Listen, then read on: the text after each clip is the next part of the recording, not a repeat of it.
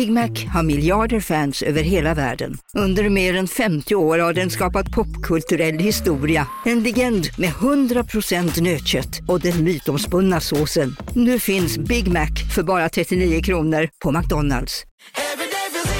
Som medlem hos Circle K är livet längs vägen extra bra. Just nu får du som ansluter dig 50 öre rabatt per liter på de tre första tankningarna och halva priset på en valfri biltvätt. Och ju mer du tankar, desto bättre rabatter får du. Välkommen till Circle K.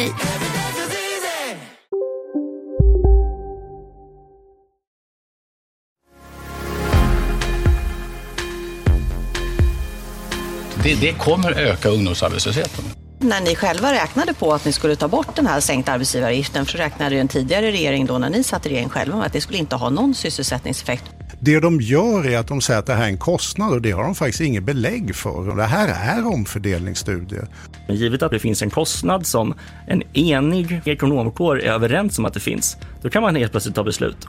Uh, could you expand on why it's so important to listen to the science? Just such a thing that we should be taking for granted that we listen to the current best available United Science. Ja, nog hänvisas det rätt friskt till forskning i den politiska debatten. Men hur stort genomslag får den i styrningen av Sverige? Är det exempelvis vetenskapligt belagt att strängare straff reducerar brottsligheten eller går politikerna på känsla och det som brukar kallas sunt förnuft?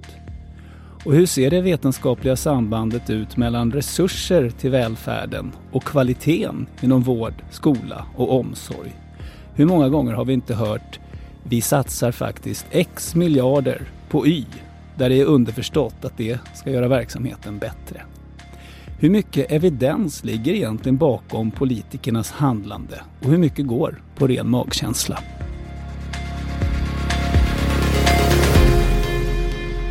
Ja, just det behandlas i en färsk rapport från ESO, Expertgruppen för studier i offentlig ekonomi. Upp till bevis heter den kort och gott. Och eh, du Per Johansson är en av författarna. Välkommen till fredagsintervjun. Mm, tack så mycket. Professor i statistik vid Uppsala universitet. Du har tidigare varit professor i nationalekonomi också. Varför behövdes en sån här rapport, tyckte ni och ESO? Ja, eh, alltså vi blev kontaktade av ESO för att skriva en rapport om experiment som en del av en evidensbaserad politik. Eh, vad som finns gjort och, och, om det är möjligt att, att, att göra det. Eh, när vi funderade lite grann på hur vi skulle skriva den här rapporten så började vi ändå fundera om det kanske är väldigt snävt att liksom bara fokusera på experimentet, det randomiserade experimentet som metod. Var det det de ville ha? Alltså jag tror det från början i alla fall så tror jag det fanns det och att de vände sig till eh, mig och till Patrik Hägglund för det där, det tror jag har att göra med att vi har gjort en del eh, randomiserade experiment, jag mm. och Patrik, framförallt Patrik. Jag har gjort, ja, varit med om att eh, designa randomiserade experiment också. För de som inte är i, i branschen mm. alls, mm. hur skulle du väldigt enkelt uttrycka det när du förklarar randomiserat experiment? Ja, det är ju en tilldelning av olika behandlingar. Så en, en som kanske inte får någon behandling alls, eller en alternativ behandling och sen så den behandling som är av intresse att studera, så man vill skatta effekten av den behandlingen mot en alternativ behandling eller att inte få behandlingen alls. Så då slumpar man ut helt enkelt vem som får behandling eller inte. Och har man då gjort ett väldigt bra experiment, ja då kan man bara jämföra till exempel medelvärdena i olika utfall för att då får man så att säga en bra estimat eller en skattning utav effekten. Ehm, och när du säger behandling, då kan man till exempel ja. tänka sig sockerpiller jämfört med ett läkemedel som man vill prova? Ja, så skulle man, det, det är ju det ideala att mm. man gör det i ett, ett, så att säga, en klinisk studie då, där man har ett sockerpiller mot en, en, en behandling. Det är så många gånger man tänker på det randomiserade experimentet. Eh, det gör man ju och så har man dubbelblindat experiment och så att den här sockerpillet, man, man kan inte avgöra om det är sockerpiller eller aktiv in, ingrediens. Eh, så att det går inte att avgöra. Och skälet till att man har de här dubbelblindade experimenten det är just för att vi individer, vi, vi reagerar på vetskapen att vi är med i ett experiment. Så det är ett ganska stort problem att göra randomiserade experiment på individer. Att göra då experiment i sociala sammanhang är väldigt svårt eftersom man kanske inte kan blinda en behandling, till exempel om man har kognitiv beteendeterapi som en behandlingsform för att få tillbaka folk från sjukskrivning. Så då vet man att man har fått den här kognitiva beteendeterapin och att jag inte fick den. Allt mm. nog, det ville de då på ESO att ni skulle skriva om och syftet med det, hur skulle du kortfattat beskriva det? Ja, syftet är väl att man vill ha en mer evidensbaserad politik. Eh, att jag tror att det, det finns ett syfte och, jag tror att politikerna på något sätt vill ha mer underlag för en bättre politik. Men som vi hörde här då, mm. man, det hänvisas ju väldigt mycket till forskningen säger och vi, vi vet enligt forskning och Greta Thunberg säger listen to the science och sådär. Va? Men den forskning som åberopas i de där sammanhangen, alltså är den Berättar den det de påstår att den berättar och så vidare? Nej, det här är ju jättesvårt. Alltså, man använder forskning inom politiken på olika sätt, men inte på det sätt som jag skulle vilja att den användes. Eh, jag tycker att man ska ta en sammanvägd bedömning av olika eh, potentiella effekter av, av, olika policyförslag. Och så väger man samman dem och ser om, om genom en konsekvensanalys jag har ju varit, jag satt med i något som heter Sociala rådet till exempel, så på Socialdepartementet eftersom jag har hållit på en hel del med forskning kring just socialförsäkringar, sjukförsäkringar.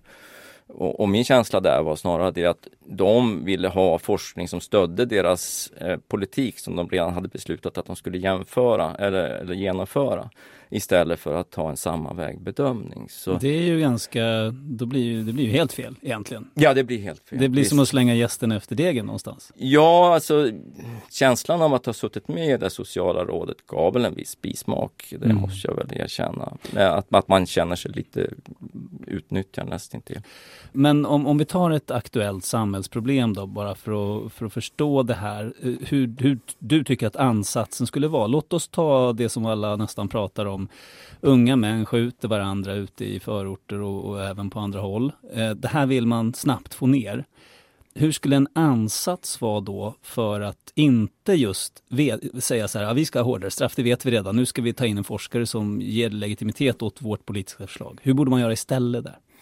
Oj, vilken svår fråga. Ja, just det här med skjutningar och så och kriminalitet, ja, det är ju inte mitt område. Men jag tror ju att i det här fallet så måste man väl ta stöd av komparativa studier och inte den typ av studier som, som vi hänvisar till och diskuterar i den här rapporten som är mer grundad i den renodlade vetenskapliga metoden kring randomisering och så. Där man då jämför olika metoder i olika länder för att se vad som har varit framgångsrikt och inte framgångsrikt. Och det är ju mer en komparativ jämförelse då. Det hade varit att föredra så att säga. Men, men ja. bara för att vara mm, mm. tydlig här. Alla är överens om att här har vi ett problem, men vi vet inte vilken lösningen är. Det är ju så att säga uppdraget. Mm, mm.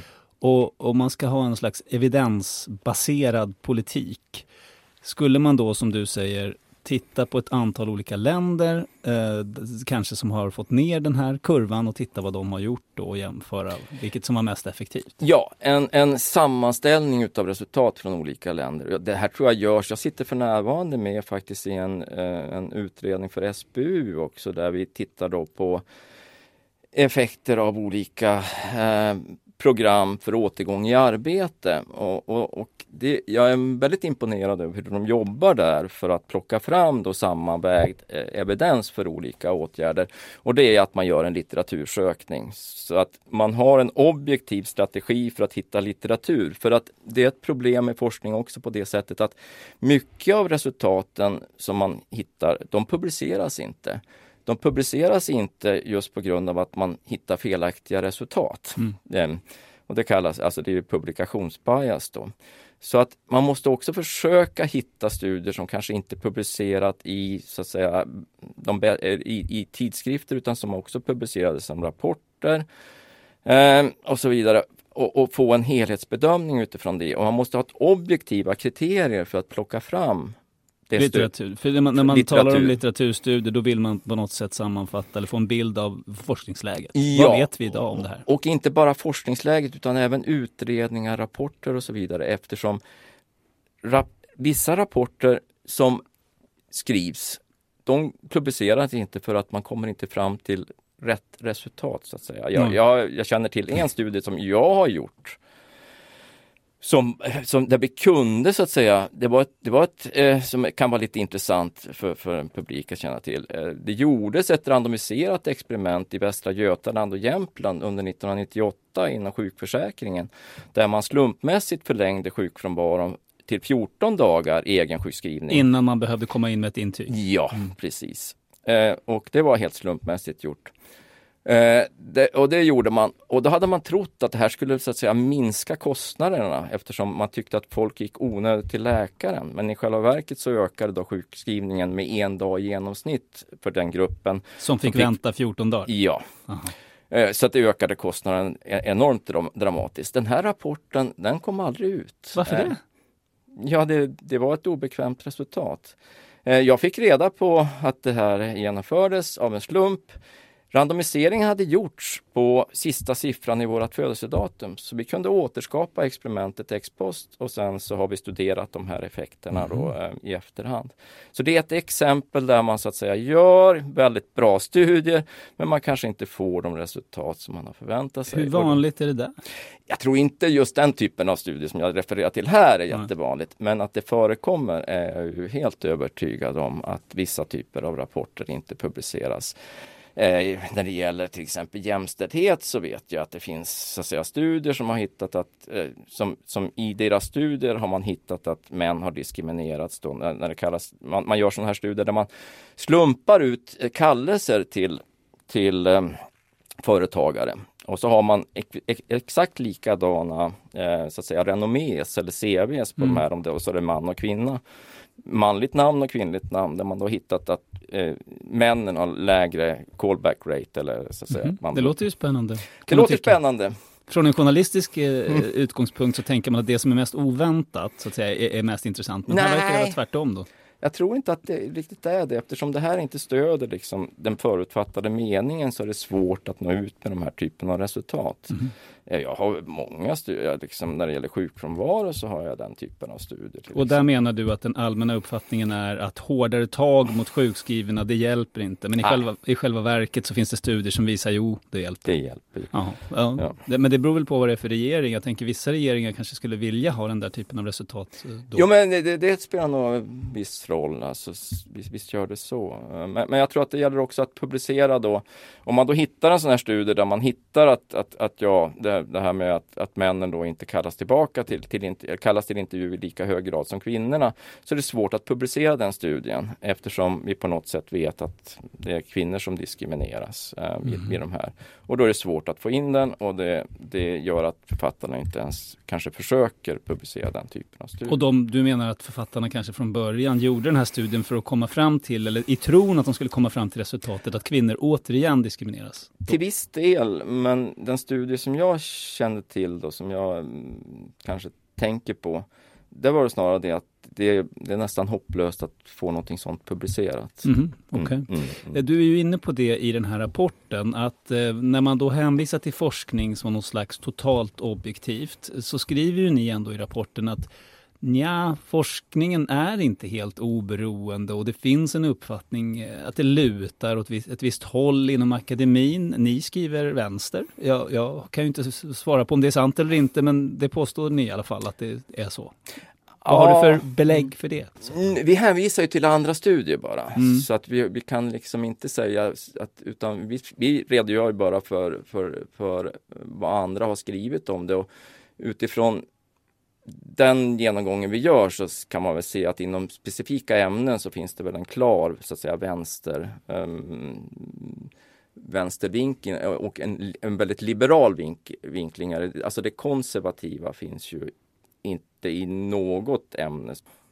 Vad vi skriver om det är liksom att, att ha olika åsikter inom forskning är bra på olika sätt. Om alla forskare har samma perspektiv så blir det en likriktning i forskningen. Så det Mm. måste finnas en, en konkurrens mellan olika perspektiv. För de frågeställningar vi har, även om vi försöker sätta upp en studie som är objektiv ehm, och har en bra design, till exempel ett randomiserat experiment med blindning och sådär, så är ju frågeställningarna blir ju ändå på något sätt eh, normativa eller liksom utgångspunkten blir att, att det är de här frågorna som är intressanta. Så är jag nationalekonom, ja då vill jag studera liksom effekter av kontroll och, och effekter av eh, ekonomiska incitament. Så att det, det, det är liksom det perspektivet jag har. Och i hur man sätter upp den här frågeställningen, ja. där kommer din bias oftast in på ett eller annat sätt. Där kommer du in på något sätt. Och så är det ju journalistiken också. Ja, såklart. Precis. Vilket ibland eh, människor inte vill kännas vid. Så är det. Och har vi då forskare som hela, alltid har liksom samma perspektiv, ja mm. men då får vi liksom ingen bra bild av hur verkligheten ser ut. Mm. Ett centralt begrepp i er rapport är kausalitet. Du menar, eller ni menar då att många ofta lite blandar ihop korrelation med kausalitet. Kan du ge exempel på det? Ja, alltså de blandar nog inte ihop kausalitet och korrelation, men de gör det i själva analyserna, det vill säga de tror liksom att vad vi kallar för då regressionsmodeller till exempel. Regressionsmodeller är att man tittar på hur en variabel samvarierar med en variabel på vänster sida. Så man sätter upp en ekvation som man har vänster höger och då tolkar man det som så att när vi skattar de här regressionsmodellerna så är det kausala relationer vi skattar. Men i själva verket så är det bara korrelationer. Eh, att etablera kausala samband kräver en design. Så en design som är bra för att, så att säga, etablera kausala relationer, det är det randomiserade experimentet. Men som jag pratade om tidigare så är inte det så enkelt heller när man gör randomiserade experiment på individer. Det är inte helt säkert att man hittar den kausala effekten man är intresserad av att studera om man inte kan blinda behandling eh, för deltagarna. För att vara övertydlig här, så att kausalt samband är, om vi tillämpar det på det som er rapport handlar om, politikerna genomför åtgärd A och det får till direkt effekt eh, eh, B. Eh, det finns ett kausalt samband. Men korrelation kan ju vara att man inför åtgärd A och effekt B inträffar ändå. Man kan inte vara säker på att det beror på åtgärd A. Det är helt korrekt. Låt oss ta ett exempel som är väldigt intressant. Eh, det har funnits länge en uppfattning och finns väl fortfarande att det finns ett kausalt samband mellan utsatthet, socioekonomisk utsatthet och brottslighet. Och det kan man ju tycka är självklart. Man tittar på de som sitter i fängelse och begår brott där ofta, tillhör ofta mera utsatta grupper socioekonomiskt. Men om vi ska prata om brottslighetens orsaker har man lyckats etablera ett kausalt samband, det vill säga brottslighet beror på socioekonomisk utsatthet? Nej, det vill jag nog hävda att man aldrig har kunnat etablera något sånt kausalt samband. Men det finns ju en rapport som ni också nämner i, i er rapport som har fått mycket, mycket uppmärksamhet och som ofta har använts i den politiska debatten. Ja, jo det är sant. Den, den, den, den, den säger, den, den analyserar då relationerna då mellan socioekonomi och brottslighet och sen så gör de ett ganska starkt uttalande om att socioekonomi eh, är det som förklarar brottsligheten och inte invandrarbakgrund. Och de har ingen sån design som gör att de kan ut, utesluta så att säga bakgrund, familjebakgrund. Eh, och de i det här fallet är bland annat eh, kriminologiprofessorn Jerzy Sarnecki med flera va? Ja, precis. Så, så vi, vi tar upp den här studien som en illustration över hur viktigt det är att försöka ha en, en kausal design i empiriska analyser. Den här studien är bra på många sätt men den har övertolkats och vi tyckte att eftersom den har fått så pass stort politiskt genomslag så var den en intressant eh, rapport att diskutera i samband med den här rapporten. Om du skulle förklara för någon som är väldigt lite insatt i den terminologin som ni statistiker eh, rör er med. Vad var bristen? så att säga? Varför kunde de inte påvisa, tycker du, ett kausalt samband mellan de här två sakerna? Ja, de studerar inte variation i, de har ingen variation i socioekonomi. Utan det är alla som studeras är utsatta så att säga? Ja, Relativt sett? De lägger in i en modell så lägger de in socioekonomi som en förklaringsvariabel och sen så har de också om man har invandrarbakgrund eller inte. Och sen så säger de att socioekonomi förklarar en del av variationen. Sen så försöker de även ta hänsyn till om kultur eh, har betydelse eller inte i den här analysen och sen så säger man bara utan att egentligen göra en reell analys att kultur har ingen betydelse. Så man utesluter helt enkelt en faktor om man har liksom ingen möjlighet att göra det. Det finns inget riktigt belägg menar du för att utesluta det? Nej, och, och det faktum att en del av variationen försvinner när man lägger in socioekonomi när det gäller skillnader i brottslighet mellan olika invandrargrupper är ingenting som säger att allting förklaras av socioekonomi. Okej, okay, men jag tänker det, det, det, här är ju liksom den BRÅ-rapporterna som får så jättemycket uppmärksamhet de svänger sig ju just med de där uttrycken att ta, om vi tar hänsyn till ja. socioekonomi då försvinner en jättestor del av över, överrepresentationen. Mm. Du menar att så kan man inte riktigt göra det? Eller? Nej, det finns ju ingen, det finns ju liksom socioekonomi är ju, är ju korrelerat med invandrarbakgrund. Mm.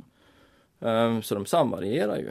Hur ska man göra då om man verkligen vill ta reda på det här? Uh, om det är socioekonomi, eller vad, vad, vad skulle de kunna göra annorlunda? Går ja, ens?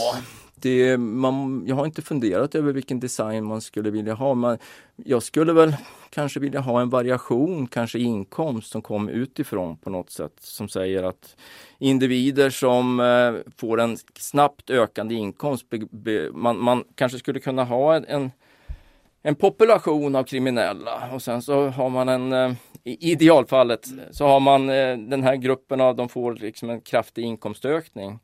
Och är det då så att deras brottslighet minskar på grund av den här kraftiga inkomstökningen som kommer utifrån, ja då skulle man väl kunna säga det att ja, inkomstnivåerna spelar lite roll. Eh, men det här med socioekonomi är väl bredare än bara inkomster. Men det, alltså, det är ju en jättesvår fråga. Även här så skulle jag nog snarare se till komparativa studier där man tittar på olika invandrargruppers kriminalitet i hemland. Um, i Sverige um, för att avgöra om, om vi har till exempel två invandrargrupper med lika socioekonomi.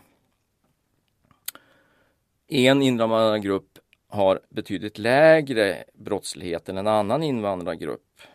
Då är det ju svårt att tro att det skulle drivas bara av socioekonomi om en invandrargrupp med samma socioekonomi har en lägre kriminalitet än en annan, då är man väl mer böjd att tro att det kanske har med kultur att göra.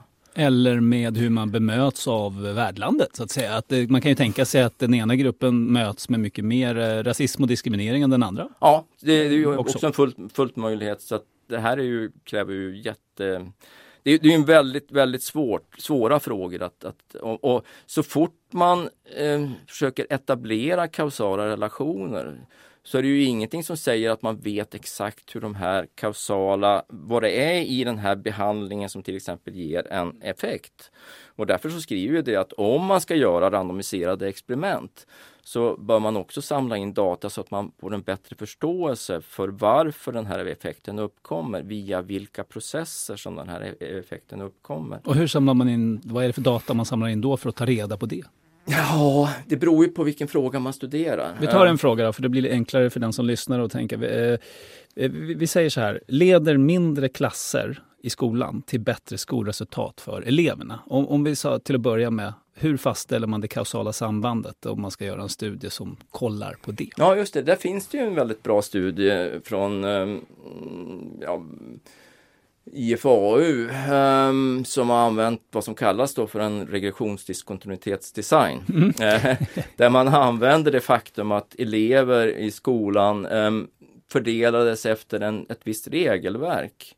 Så när man fick mer än 30 elever i en skola eller i en klass? I, i, I, en klass, mm.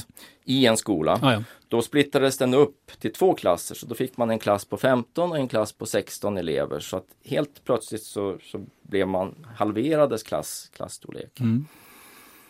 Um, och den där designen kan man då, och, och, då är det ju, då måste man ju tro att det är helt slumpmässigt att det råkar vara 31 eh, elever i en skola medan 30 elever i en annan skola. Så genom att studera den där, att använda den där designen så kan man då etablera att det finns en ganska stor effekt av att ha mindre antal eh, elever i en klass. Och hur kan man veta att det är just den här, det här ingripandet, den här interventionen som gör att eleverna presterar bättre?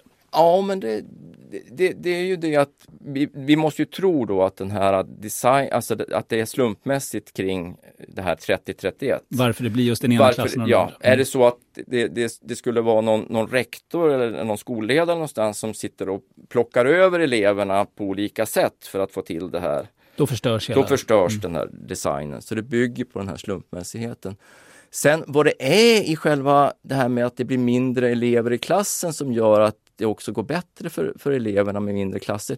Det är ju svårt att riktigt avgöra men man kan väl tänka sig att det är lättare för läraren att, Mm. att lära ut i mindre klasser. Det var kan man, som- men, men det vi talade om innan var ju att du tycker att det är viktigt att man också tar reda på, okej, nu har vi etablerat den här kausala, det här kausala sambandet, men nu måste vi veta varför det uppstår. Och, och på det här exemplet med skolklasser, jag vet inte, det kanske var ett dåligt valt Ja, det, exempel. det känns Svårt. Ja, det, det, känns nästan så uppenbart att mer resurser på något sätt, mer tid med en lärare om läraren är bra, eh, att det då också leder fram till bättre skolresultat. Så här behöver man inte samla så mycket data. Nej, för i det att, här fallet så är det tveksamt. Det, är väl, det hade väl varit intressant om man hade kunnat så att säga undersöka om, om det fanns, om man kunde mäta lärarnas kvalitet Mhm. på något sätt och kanske utifrån det skatta effekterna då för där det är bra lärare och där det är dåliga lärare för att se om effekten beror också till att det finns ett samspel mellan hur bra lärarna är och, och den här effekten också. Eh, Så att effekten är väl troligtvis kanske mindre om lärarna inte har samma kvalitet. Just det, experimentet förutsätter e- egentligen att alla lärare är ungefär lika bra eller lika dåliga och eleverna befinner sig på ungefär samma nivå relativt varandra. Och det här ringar ju in det som du sa när vi satt här och fikade innan, att så fort man blandar in människor i experimenten så blir det genast väldigt knepigt. Det är enklare med liksom grödor eller eh, fysik, för där är liksom saker mera konstanta ändå. Ja, det är enklare där. Eh, det var ju där som så att säga det här med randomiserade experimenter, det kommer ju från eh, eh Fischer då som, som skapade de här, som kom på idén hur man skulle, hur man skulle etablera då kausala relationer via randomiserade experiment. Och det var just för jordbruksförsök. Eh, Så där är det ganska enkelt då. Men det var ju en jättestor succé eh, just vad det gäller grödor och även när det gäller till exempel eh, alltså tillverkningsindustri. Mm. Så det japanska undret i stor utsträckning bygger på att man använder sig av idéerna från det randomiserade experimentet för att, för att utveckla eh, kvaliteten i, i, i, i de japanska bilfabrikerna. Till. Det, det är ett exempel. Men så fort man går över till det här med människor så är det svårt. Och därför så tror, eller vi skriver ju i den här rapporten att ja, en övertro på det randomiserade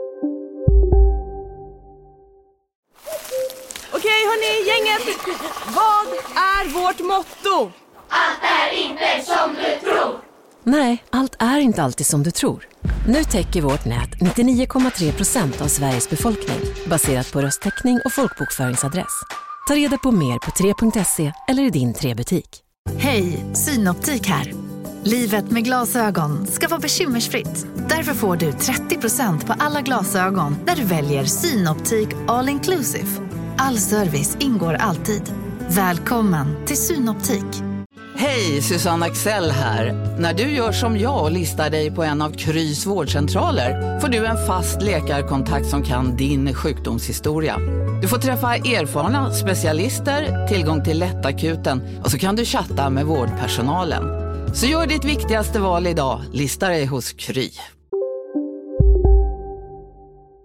Randomiserade experimentet det kanske, inte, det kanske man inte ska ha utan att försöka etablera kausala relationer via då naturliga experiment är nog kanske en bättre, en, ett bättre sätt många, Mm. många gånger. Och naturliga experiment, där var ju det här exemplet med skolan Ja. eh, ganska bra. För Ja. där, där fanns det redan en regel som gjorde att så fort det blev 31 elever då delades de upp på två klasser. Mm. Och då har man Mm. någonting att studera som finns i verkligheten. Där man inte behöver in och intervenera. Absolut, absolut. Och, och det, det där illustrerar ju en sak, det var någonting som redan fanns. Så risken med det här med naturliga experimentet är ju att forskare så att säga väljer att studera frågor där det finns naturliga experiment och inte frågor som är av intresse. Eh, så att det, det, det är inte så där jättebra. Jag tänkte vi skulle ta en, en kort historisk återblick här bara. Varför vi håller på med sånt här nu. då läser jag i er rapport att eh, ett exempel är hur man kom på att C-vitaminbrist eh, orsakar skörbjugg. James Lind eh, utförde då det som sägs vara det första medicinska experimentet på sjömän. Eh, hur gick det där till? Ja, han, det var ett jättelitet experiment. Det var 12 sjömän tror jag. Två sjömän fick C-vitamin och citro, citroner, apelsiner. Ehm, två fick en blandning av, ehm, vad var det, vinäger och sånt där och något och de, andra fick ingenting med C-vitamin. Så det var liksom fyra eller sex som fick C-vitamin medan den andra, de andra då fick, inte fick C-vitamin. Och de som fick C-vitamin de tillfrisknade bara efter några dagar. Och även den här som fick den här blandningen då mellan äppelcider och sådär. Men ett sådant experiment bygger på att man har en eh, tro redan innan att kan det vara så att apelsiner kan hjälpa? Ja, effekten av den här var så pass stora och man såg en, en, en omedelbar um, effekt på det här. Vilket gör det väldigt enkelt. Nu för tiden så har vi kanske inte vi har kommit så pass långt inom den medicinska vetenskapen så de effekter vi försöker hitta är betydligt mindre. Och effekterna kanske inte heller är så direkta. Och det gör att det är mycket viktigare att vi har stora studier för att etablera de här ganska små effekterna. Och att de här studierna är också välgjorda. Så att kravet ökar ju, ju, ju, ju mindre effekter vi försöker hitta nytta på olika sätt. Mm. Eh, det är väl ett eh, slags eh, minus med det utvecklade samhället då kanske. ja, ja, kanske där vi har löst sådana där enkla saker som mm. skörbjugg och så. Och kolera som ni också nämner som exempel i er rapport. Om vi ska ja. ägna de sista, den sista tredjedelen här då åt att prata om det som ni skriver om att man faktiskt använder evidens, eller försöker mm. göra det i alla fall, i politiken. Ni går ju igenom då lite olika försök som har gjorts, både vad gäller arbetsmarknadspolitik och socialförsäkringar. Vi kan välja ut ett av dem bara för att, för att liksom ge en liten bild av vad det är för typ av grejer. Och då, då genomfördes 2006 ett experiment som hade att göra med eh, att man misstänkte ett överutnyttjande av vab, alltså vård av sjukt barn. Eh, och vad var det då man ville ta reda på i det där? Ja, det var ju helt enkelt om det, om det fanns ett överutnyttjande. Och hur eh, gjorde man? Ja, hur gjorde man? Jo, det här är vad som kallas för ett informationsexperiment. Eh, så man kan liksom inte inte studera effekten direkt utav eh, så att säga kontroll. Men vad man gjorde var att man skickade ut brev då där man sa till individerna att vi kommer att kontrollera din sjukfrånvaro eller eh, det här med hur du använder vård av sjukt barn. Mm. Eh, till 50% av en viss population. Jag kommer inte ihåg exakt hur stor den var. Så hälften fick det där brevet, hälften fick det ja, inte? Ja, precis, precis. Och vad hände då? Och eh, sen så ser man liksom att eh, de som fick brevet med ökad kontroll, ja de, de, ut, de, de minskade helt enkelt sitt uttag ganska dramatiskt. Okej, okay. ja. det, var, det var ju raka. Och det, där kunde man etablera vad vi talade om tidigare, ett kausalt samband mellan kontroll och eh, minskat fusk. Ja, man kan etablera ett kausalt samband mellan utskicket. ja, okay. och eh, det här är vad som kallas då för inom litteraturen så kallas intent to treat effekt. Alltså en, eh, man, och effekten tror man ju kommer från att de kommer att bli eh, kontrollerade så att därför så i större utsträckning än de som inte fick. De blev inte kontrollerade va? Nej. Det, alltså, man fintade dem lite. Jag tror man gjorde det också. Man kontrollerade också till en viss, viss, viss utsträckning. Ja det måste man i och för sig ha gjort för att ja. få reda på utfallet ja. såklart. Men eh. sen då, det, här är ju intressant för det ledde ju faktiskt till, och det här minns ju jag, att man, mm. man skulle då ha ett intyg från förskolan. Ja. I alla fall. Mm. Jag vet inte om det mm. var så i skolan, men i förskolan var det i alla fall så. Eh, om man ville vabba. Och mm. det tyckte ju förskolepersonalen var jättejobbigt och det var mycket strul med det där. Men det gjordes i alla fall. Ja. Vad blev effekten av det? Att man införde intygen? Eh. Minskade uttaget av vab då? Ja, det måste det vara. Alltså jag vet inte, jag har inte följt upp det här. Eh, jag var inte med och gjorde det experimentet. Däremot så gjordes ju experimentet på IFA, eller IFA tillsammans med FUT, den här FUT-delegationen. Alltså delegationen mot fusk ja, i socialförsäkringarna? Precis, mm. precis.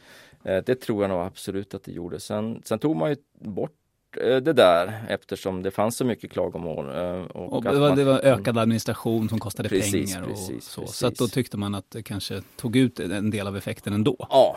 Eh, bortsett från det moraliska, att det är bra att människor inte fuskar, men om man bara pratar samhällsekonomi. Och vad blev då effekten av att man åt, gick tillbaka till hur det var innan? Jag var kopplad till Inspektionen för socialförsäkringen och, och där tittar vi då på um, där man gjorde faktiskt slumpmässiga kontroller. På, eh, så att inom ramen för den här vab-försäkringen så gjorde man slumpmässiga kontroller till vissa grupper då. Och eh, när, vi, när vi tittar på de slumpmässiga kontrollerna så ser vi liksom att kontrollerna i sig minskar användandet av framtida uttag av vab. Så kontroll har en minskande effekt. Och vi gjorde också en cost-benefit-analys på det där som visade att det här kontroll, kontrollen var så att säga lönsam. Men ändå så tog man bort den? Ja, precis, precis. Summa summarum i alla fall. Ökad kontroll eh, gjorde effekt och dessutom den här ökade administrationen som den ökade kontrollen medförde var inte tillräckligt dyr för att det skulle vara meningslöst med kontrollen. Nej, precis. Om vi då tittar lite framåt, så att säga. Skulle det bli bättre om politiken var lite mer evidensbaserad? Det tycker jag nog. Ehm, jag tror ju dock inte kanske att den kan vara det känns naivt att tro att den kan vara evidensbaserad utifrån den definition på evidens som vi har i den här rapporten. Um, Varför det?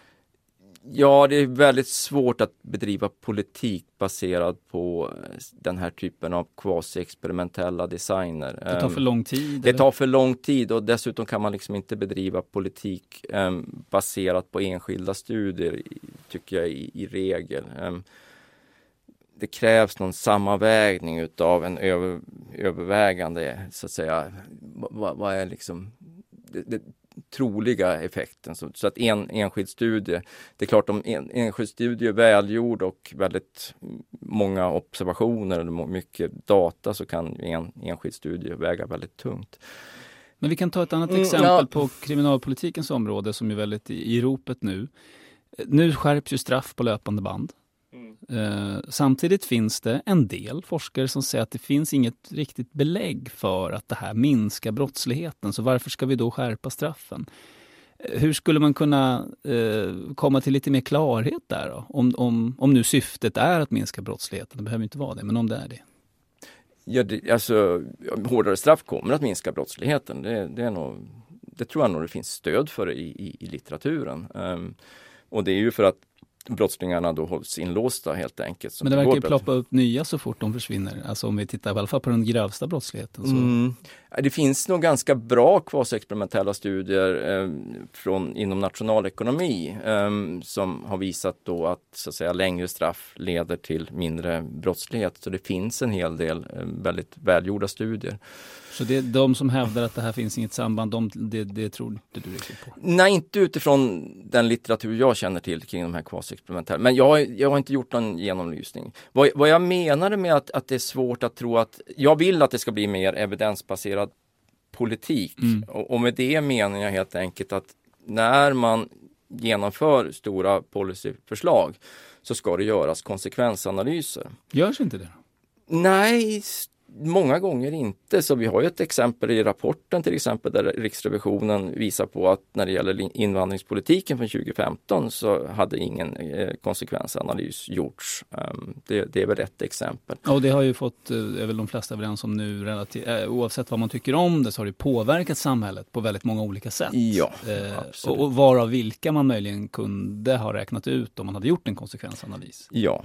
Så varför görs inte det tror du?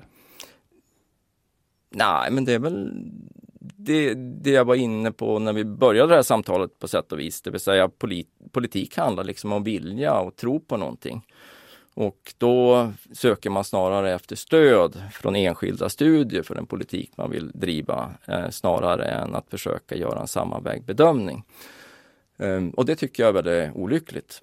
Ja, jag skulle just fråga, mm. ska det vara så? En del kan väl tycka att politik och forskning är faktiskt två olika saker och man pratar ibland om teknokrati. Så att säga att mm. den ex yttersta extremaste formen av evidensbaserad politik skulle vara att vi har ett expertråd i princip som är helt oberoende av ideologi och bara gör det som är bäst enligt forskningen. Så kanske man inte heller vill ha det. Nej, så vill man absolut inte ha det. Men så länge man inte gör konsekvensanalyser då är det ju ganska uppenbart att man inte stöder sig på evidens. För den evidens man har, jag menar i den här rapporten så tar vi liksom ett extremfall på evidens och vi är tydliga, det är ju för att vi vill vara tydliga i vår rapport vad vi menar med evidens och fokus på den här rapporten. Men, men, det är klart att beprövad erfarenhet, eh, historiska analyser och så vidare är också en form av evidens, även om det inte är den här formen av kausal inferens. inte riktigt lika träffsäker, inte men, ändå. men ändå någonting som, som ska vägas in vid, vid olika beslut. Och, och väljer man att inte inte göra konsekvensanalys, ja, men då är ju politiken inte evidensbaserad. Ett sådant exempel är väl också energipolitiken, skulle jag, jag, jag inte, vet inte, men, men det är väl, om vi nu tycker att klimatet är ett väldigt viktigt område med, med eh, och även då kanske säkerhet, ja men då har vi till exempel kärnkraft som är det säkraste energislaget och med minst koldioxidutsläpp. Ändå så läggs kärnkraft ner. Nu är det vissa som skulle hävda då att det är inte ett politiskt beslut utan marknadskrafter men det, marknadskrafterna styrs av politiska beslut. Skulle Vissa skulle väl också invända att kärnkraft inte alls är det säkraste energislaget, men det, det menar du? Det finns evidens för det, det vill säga hur man har räknat på antal liv. Okay. Mm, och sen så finns det ju då risker som folk pratar om då med kärnkraften som är då överskuggar allting annat. Mm. Men tittar man bara på historiska data så är kärnkraften det överlägset mest säkra eh, energislaget vi har. Ett annat område som ni lägger en del kraft på i rapporten är ju jämställdhetspolitiken som är någonting eh, som ligger det, den nuvarande regeringen i alla fall väldigt varmt om hjärtat. Där ni väl hävdar, om jag inte läser helt fel, att den, den bygger på eh, influenser som har tagit sig in i politiken väldigt mycket på bekostnad av den här, det här evidenstänket. Eh, och det handlar om bland annat kritisk teori, det vill säga den här rasteori till exempel eh, och även då på jämställdhetsområdet eh, helt enkelt feminism. Mm. Och vad är problemet med det då, som ni ser det? Ja, alltså vi skrev ju den här rapporten med utgångspunkt att gå igenom vad experiment, det var utgångspunkten. Och sen så breddade vi det och, och tog även in det här med kvasiexperimentella designer och så vidare. Alla de eh, metoder vi diskuterar bygger på den så att säga vetenskapliga metoden som man kan väl hänföra till Popper och sådär. Eh, hur, hur den ska gå till. Och kritisk teori den är rent, alltså den är motsatsen till det. Den är kritisk mot själva vetenskapen? Ja, mm. den är kritisk mot vetenskapen. Och eh, de här nya idéerna som kommer då ursprungligen från kritisk teori, postmodernism och så vidare har fått stort genomslag i politik och på universitet. Och eh, då kände vi oss tvingade att diskutera det eftersom den har fått så pass stort genomslag. Och eh, genom att gå igenom skrivningar som finns i, i, i de politiska beslut och så vidare, för, förslag, så kan vi liksom visa på att ja, den här teorierna, de har liksom spelat roll i hur man skriver kring jämställdhet. Där man utgår ifrån lika utfall snarare än lika möjligheter. Det vill säga, om man ska mäta hur jämställt ett samhälle är så tittar man hur många är undersköterskor och är kvinnor och hur många läkare och är män. Eh, och bortser från att det kan finnas andra skäl till att kvinnorna har kanske valt det yrke de har valt och så vidare. Är det det? Ja. ja som är skillnaden mm, mm. mellan utfall och eh, möjligheter. Ja, precis. Eh, men vad, det som ni skriver i rapporten tolkar jag som att eh, den här forskningen som ligger bakom då, det är mycket genusforskning till exempel, att den inte följer samma normer eh, som mycket annan forskning då. Nej, den gör ju inte det. Den, den eh, säger ju att vetenskaplig metodik som vi beskriver i rapporten är, är inget vi ska hålla på med utan vi ska hålla på med att förändra samhället snarare än någonting annat. Men eh, ni tycker också, om jag tolkar det rätt, att risken med det där är att eh, de åtgärder som genomförs baserat på deras tankar kan mycket väl få motsatt effekt. Eh, hur kan det bli så? Ja, det bygger på vår tro på den vetenskapliga metoden i, i sig, det vill säga den vetenskapliga metoden har tjänat mänskligheten väldigt väl upp till nu och nu så kommer in andra influenser över hur forskning ska göras. Um, så det, det, bygger ju på den synen att genom att lära sig och, och, och, göra politik baserat på, på fakta så får vi någonting som är effektivt. Vi, vi kan mäta saker och ting för att kanske förändra på olika sätt. Men de här skrivningarna de bygger mer om en tro än en analys. i de här skrivningarna så förnekar man biologisk forskning, psykologisk forskning som har visat på att det finns ganska stora skillnader mellan män och kvinnor i hur vi agerar och tänker. Eh, så vi, vi, har beteendeskillnader. Ni beskriver det nästan som att den här forskningen är lite av en ekokammare ju. Att man bara citerar andra genusforskare, eh, ja, bara nu tar jag i, men väl, i väldigt stor utsträckning. Man lyssnar inte eller tar inte så mycket mm. intryck av andra forskningsdiscipliner i sina, sina ja, rapporter och mm. uppsatser. Mm. Eller? Alltså, den här rapporten är väldigt tor torrt skriven egentligen. Vi tycker inte så mycket utan vi hänvisar väl till annan forskning som, som beskriver det på det sättet. Jo, ja, det, Snarare än, än, att... att, så att men jag sa inte att ni tyckte utan det nej, står så i rapporten. Ja, det står så i ja. rapporten. Mm. Uh, och uh, ja, det finns en hel del rapporter som är skrivna som, som tyder på att det är som en ekokammare, absolut, där man inte tar hänsyn till annan typ av forskning som finns kring skillnader mellan män och kvinnor. Eh, och det kan nog leda fram. Alltså något som, är, som jag tycker har varit väldigt är, är intressant att fundera över. Det är väl till exempel det här med, med kvinnornas frigörelse. Och så har man mått på till exempel lycka. Och, och de här måtten på lycka som vi har, de, de ökar för männen medan lyckan minskar för kvinnorna. I, I, takt med att? Med takt med tiden. Med ökad jämställdhet? Ja, och vad, vad, vad, ska man tro om det? Eller vad tänker du om det? Ja, det är intressant. Det är intressant. Och, och kan man koppla det till politiken kanske, det är ju liksom ett svar på din fråga. Liksom. Kan, det, vad kan, det här, kan det leda till det motsatta? Ja, tittar vi på data så kanske det finns någonting som tyder på att den här typen av fokus på så att säga att, att män och kvinnor ska ha samma framgång i arbetslivet och så vidare inte gör kvinnorna lyckligare. och kanske inte männen heller. Jag, jag, vet inte, utan det är intressant data som de har samlat in och givetvis att, att skatta vad lycka är ju väldigt svårt. Det är klart. Men om jag frågar så här, mm, mm. de här tankarna, det här sättet att se på vetenskap, du säger att det faktiskt har fått genomslag i politiken. Vart är det på väg nu? Är det på väg att det ska få mer genomslag inom eh, den akademiska forskningen och i politiken eller har, vi, har det liksom nått sin peak, tror du?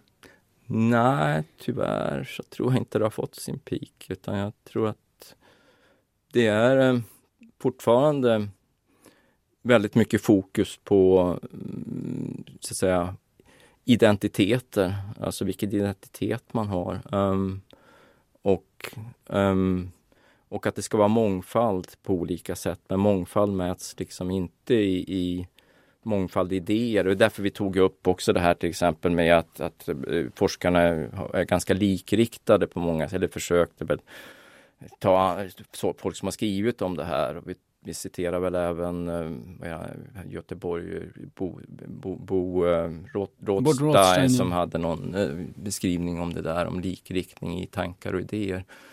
Så det finns, det finns liksom den här uppdelningen i så att säga grupper som är underordnade mot grupper som är överordnade som, mm. som också beskrivs i, den här, i, i de här skrivningarna som finns i, i, i SOUs och så vidare kring jämställdhetspolitiken där man ganska ofta beskriver så att säga kvinnor i termer av att de inte har en agens eh, medan män har agens. Mm, det vill säga ganska... att kvinnorna bara blir undersköterskor på grund av omständigheter och inte för att de själva vill det. Nej, eller för all del sjuksköterskor ja, eller ja. vad det nu kan vara. Eller jo, läkare. Ja. Som ju är kvinnor är väl, utgör väl mer än hälften av läkarna idag. Jo men precis, precis. Men, men det, det, är en beskrivning av kvinnor som, som jag kan tycka är ganska förfärlig på, på sätt att man beskriver kvinnor som så att säga offer för omständigheter istället för att de har agens. Mm. Det är konst, konstigt. Och avslutningsvis då när det gäller det som där vi började så att säga är politiken på väg att bli mer evidensbaserad? Vi pratade om brist på konsekvensanalys till exempel. Eller är det snarare på väg åt andra hållet? Att allt bara går fortare och fortare och det blir mer och mer magkänsla och mer och mer av, av de här andra teorierna som inte är vetenskapliga i traditionell mening? Ja, är det svårt att, så att säga, särskilja ålder och trender? jo, det är sant. Uh, ja, jag, jag, var på, jag var, började på ett ställe på, när det bildades då, IFAU, Institutet för arbetsmarknads eh, och utbildningspolitisk utvärdering hette det på den tiden, nu heter det även utbildningsutvärdering. Um, och då fanns det liksom en, en känsla av att ja, politik kommer att bedrivas utifrån evidens. Det fanns en tro på det. Var befinner vi oss nu i tiden? Ja, det här är då 1900, det måste vara 98, 99, ja 2000 ungefär, mm. början där. 20 år sedan ungefär. Ja, eh, och en väldigt stort intresse bland politikerna och när jag, vi, vi var ofta på besök eh, på departement och så vidare. Och ett intresse för forskning och IFA skulle vara liksom en forskningsmyndighet. Um, absolut. Och uh, det fanns även eh, intressant sådär studie som 2008 så gjorde jag en utvärdering som handlar liksom om, eh, om, om insatser inom sjukförsäkringen och då blev vi uppkallade till, till socialdepartementet och vi diskuterade. Då hade de plockat fram två behandlingar som, som de tyckte skulle vara väldigt bra för att minska sjukfrånvaron. Och det var KBT och MMR och det här kallades då, den här insatsen kallades för rehabiliteringsgarantin. Så de var, man hade gått igenom SBUs undersökningar och de skulle vara evidensbaserade eh, och de ville att vi skulle utvärdera det här och de gav oss stöd för att också göra randomiserade experiment. Eh, vi kunde, det var svårt att göra randomiserade experiment, men vi fick, det här skulle uppföljas och följas upp. Och vi gjorde det också och polit, politiken tog också intryck av våran utvärdering av de här insatserna i rehabiliteringsgarantin. Jag tycker inte att det, intresset är på samma nivå just nu. Det är möjligt att jag liksom har lite fel, men jag i den första så att säga, alliansregeringen så fanns det en väldigt stor tilltro till evidens. Jag De talade ju mycket om det i alla fall. Ja, mm. och, och det fanns det utifrån min erfarenhet från när, när jag var på IFAU. Den senare perioden inte på samma sätt skulle jag säga och jag upplevde på slutet av min, jag är fortfarande kvar på IFAU men inte i samma utsträckning som tidigare, är att det finns ett mindre intresse. Eh, men, ja. Så svaret på frågan är om, om, om du ska gissa så att säga, det är svårt att veta, men mm. pendeln känns som att den är på väg lite bort från det tänkandet då till något annat? Då. Ja, och här så tror jag det, ja det, det är nog mer lite mer vad som känns rätt. Och vad är faran med det då, skulle du säga? Ja, eh, det, jag, alltså, man får ju vara ödmjuk eh, på det sättet att det är väl ingenting som säger liksom att den vetenskapliga metoden som, som jag tror har tjänat oss väldigt väl i västvärlden eh, är det enda sättet för oss att få, få bra samhällen. Men jag har svårt att tro att en återgång till en mer så att säga, identitetspolitik kommer att vara någonting som kommer att göra västvärlden till ett, till ett till bättre samhällen. Det, det har jag väldigt svårt att se. Vissa skulle väl invända då att eh, kvinnorörelsen tidigt 1900-tal, sent 1800-tal med vetenskaplig ansats, eh, mer så och mindre jävlar anamma, så hade de kanske inte lyckats med det de lyckades med och, och samma sak kanske med eh, de som arbetar mot rasism, eh, medborgarrättsrörelsen och sådär, utan det var mycket hjärta och inte lika mycket liksom, eh, torra rapporter. Eh, man skulle ju kunna argumentera att det behovet finns nu också.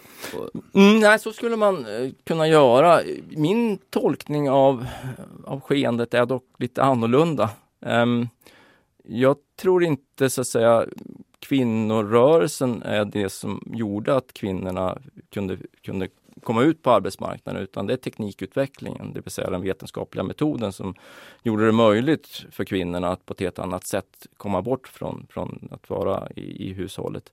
Eh, det här med det är viktigt att man också hela tiden tänker på skyldigheter och rättigheter i olika sammanhang. Så om man, om man tänker på det så, så är det så att säga, i Sverige till exempel så fick männen rösträtt 1922 medan kvinnorna fick rösträtt 1921.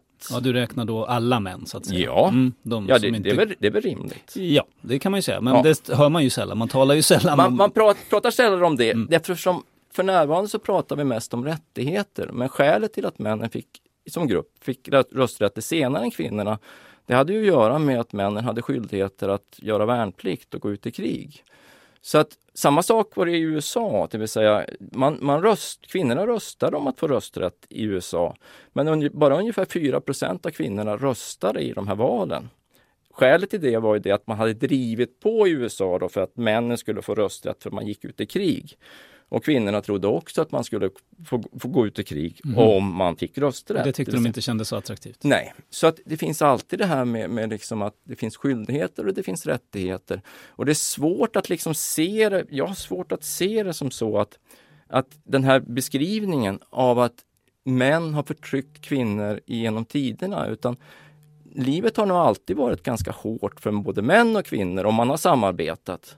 Så den här beskrivningen av att, så att säga, kvinnokampen, att det har att göra med jämställdhet och så vidare. Jag, jag tror att det är en kvinnorörelse.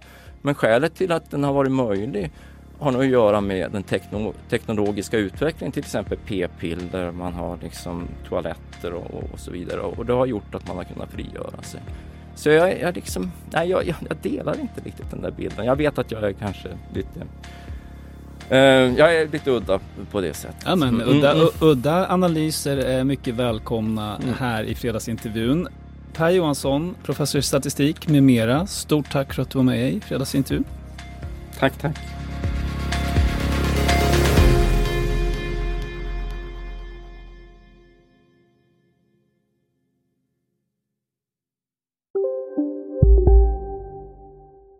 Välkommen till Maccafé på utvalda McDonalds restauranger med Baristakaffe till rimligt pris. Vad sägs om en latte eller cappuccino för bara 35 kronor? Alltid gjorda av våra utbildade baristor.